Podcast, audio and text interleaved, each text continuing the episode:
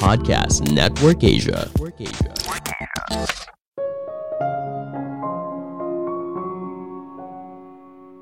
Keputusan investasimu tidak selalu benar apabila banyak orang melakukan hal yang sama.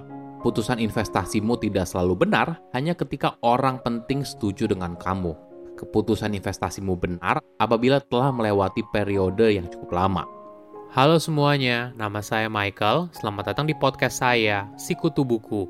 Kali ini saya akan bahas buku Warren Buffett Ground Rules karya Jeremy Miller. Sebelum kita mulai, buat kalian yang mau support podcast ini agar terus berkarya, caranya gampang banget. Kalian cukup klik follow.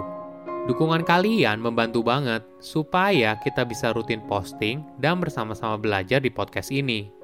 Buku ini membahas prinsip dasar investasi dari investor legendaris Warren Buffett.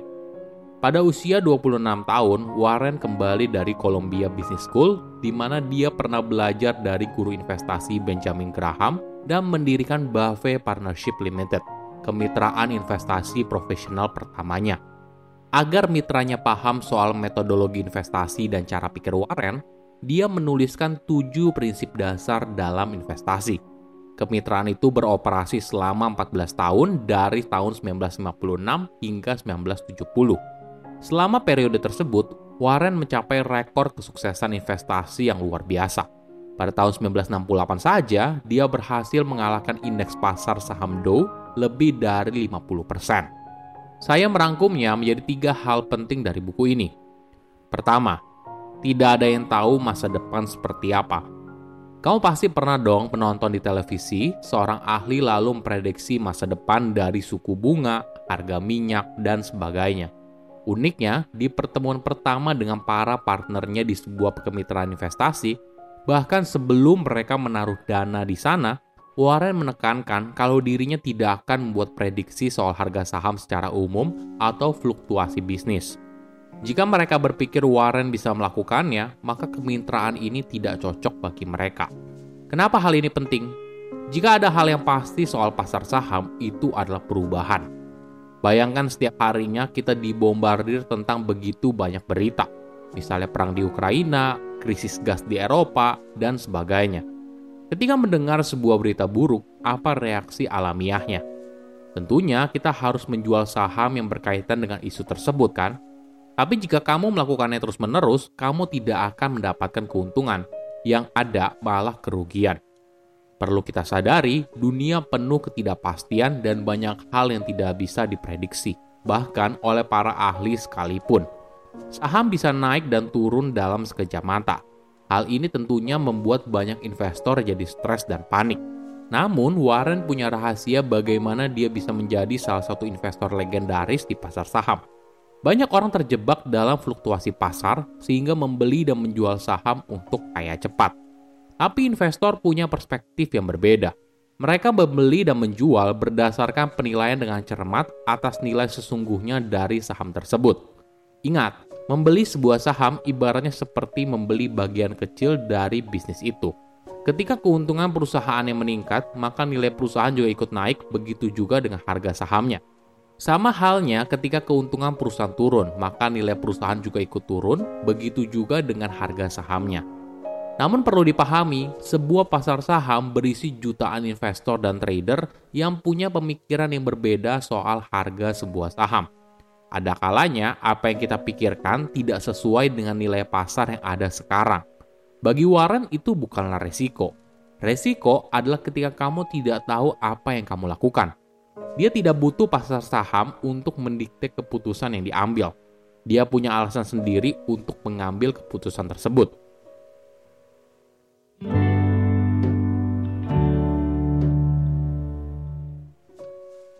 Kedua, jangan remehkan bunga berbunga.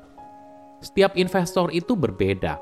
Pada tahun 1956, Warren hanya punya 100 ribu dolar sebagai dana awal investasinya.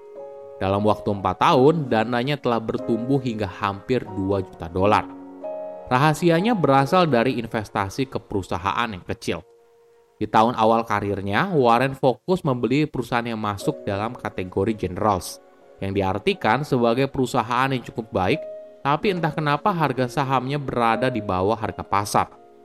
Namun semakin kesuksesannya bertambah, definisinya soal nilai perusahaan juga berubah.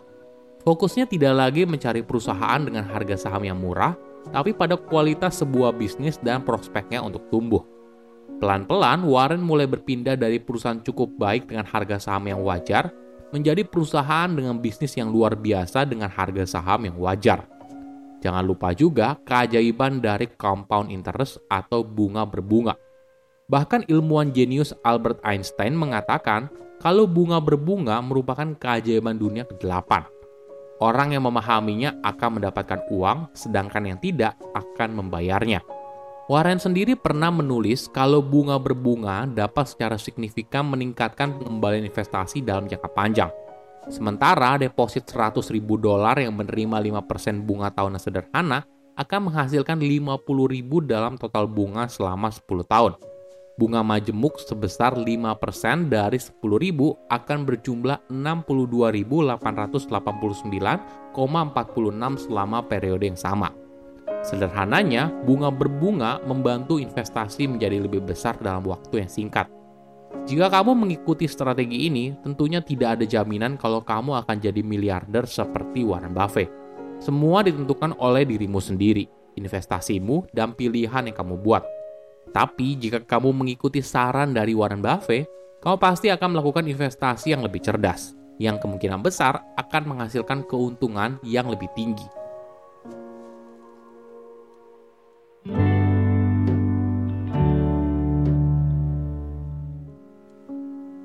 Ketiga, investasi itu urusan pribadi, jangan ikuti apa kata orang. Mengikuti apa yang dilakukan oleh banyak orang mungkin saja strategi yang baik. Misalnya, ketika banyak orang berlari dari sesuatu yang tidak bisa kamu lihat, kamu mungkin saja perlu bergabung dengan mereka.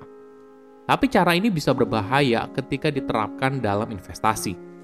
Jika kamu ingin mengalahkan rata-rata keuntungan pasar, maka kamu harus berani berbeda Menurut Warren, menginvestasikan uangmu hanya masuk akal ketika kamu benar-benar memahami gambaran besarnya dan tahu harus ke mana.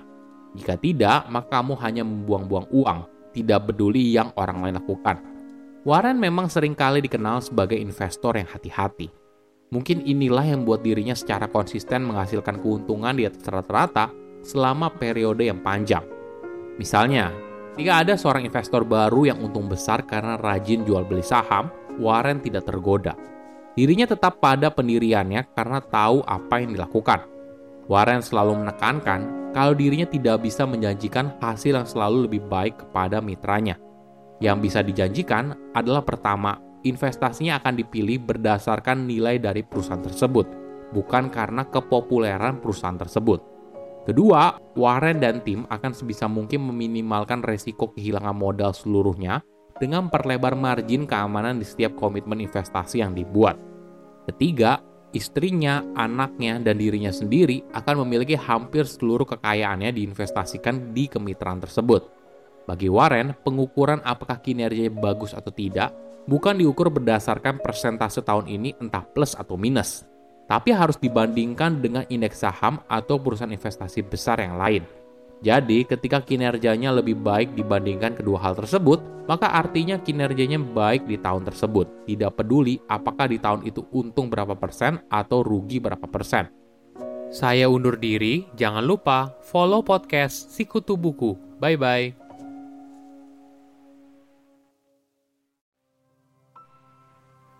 Pandangan dan opini yang disampaikan oleh kreator podcast, host, dan tamu tidak mencerminkan kebijakan resmi dan bagian dari podcast Network Asia.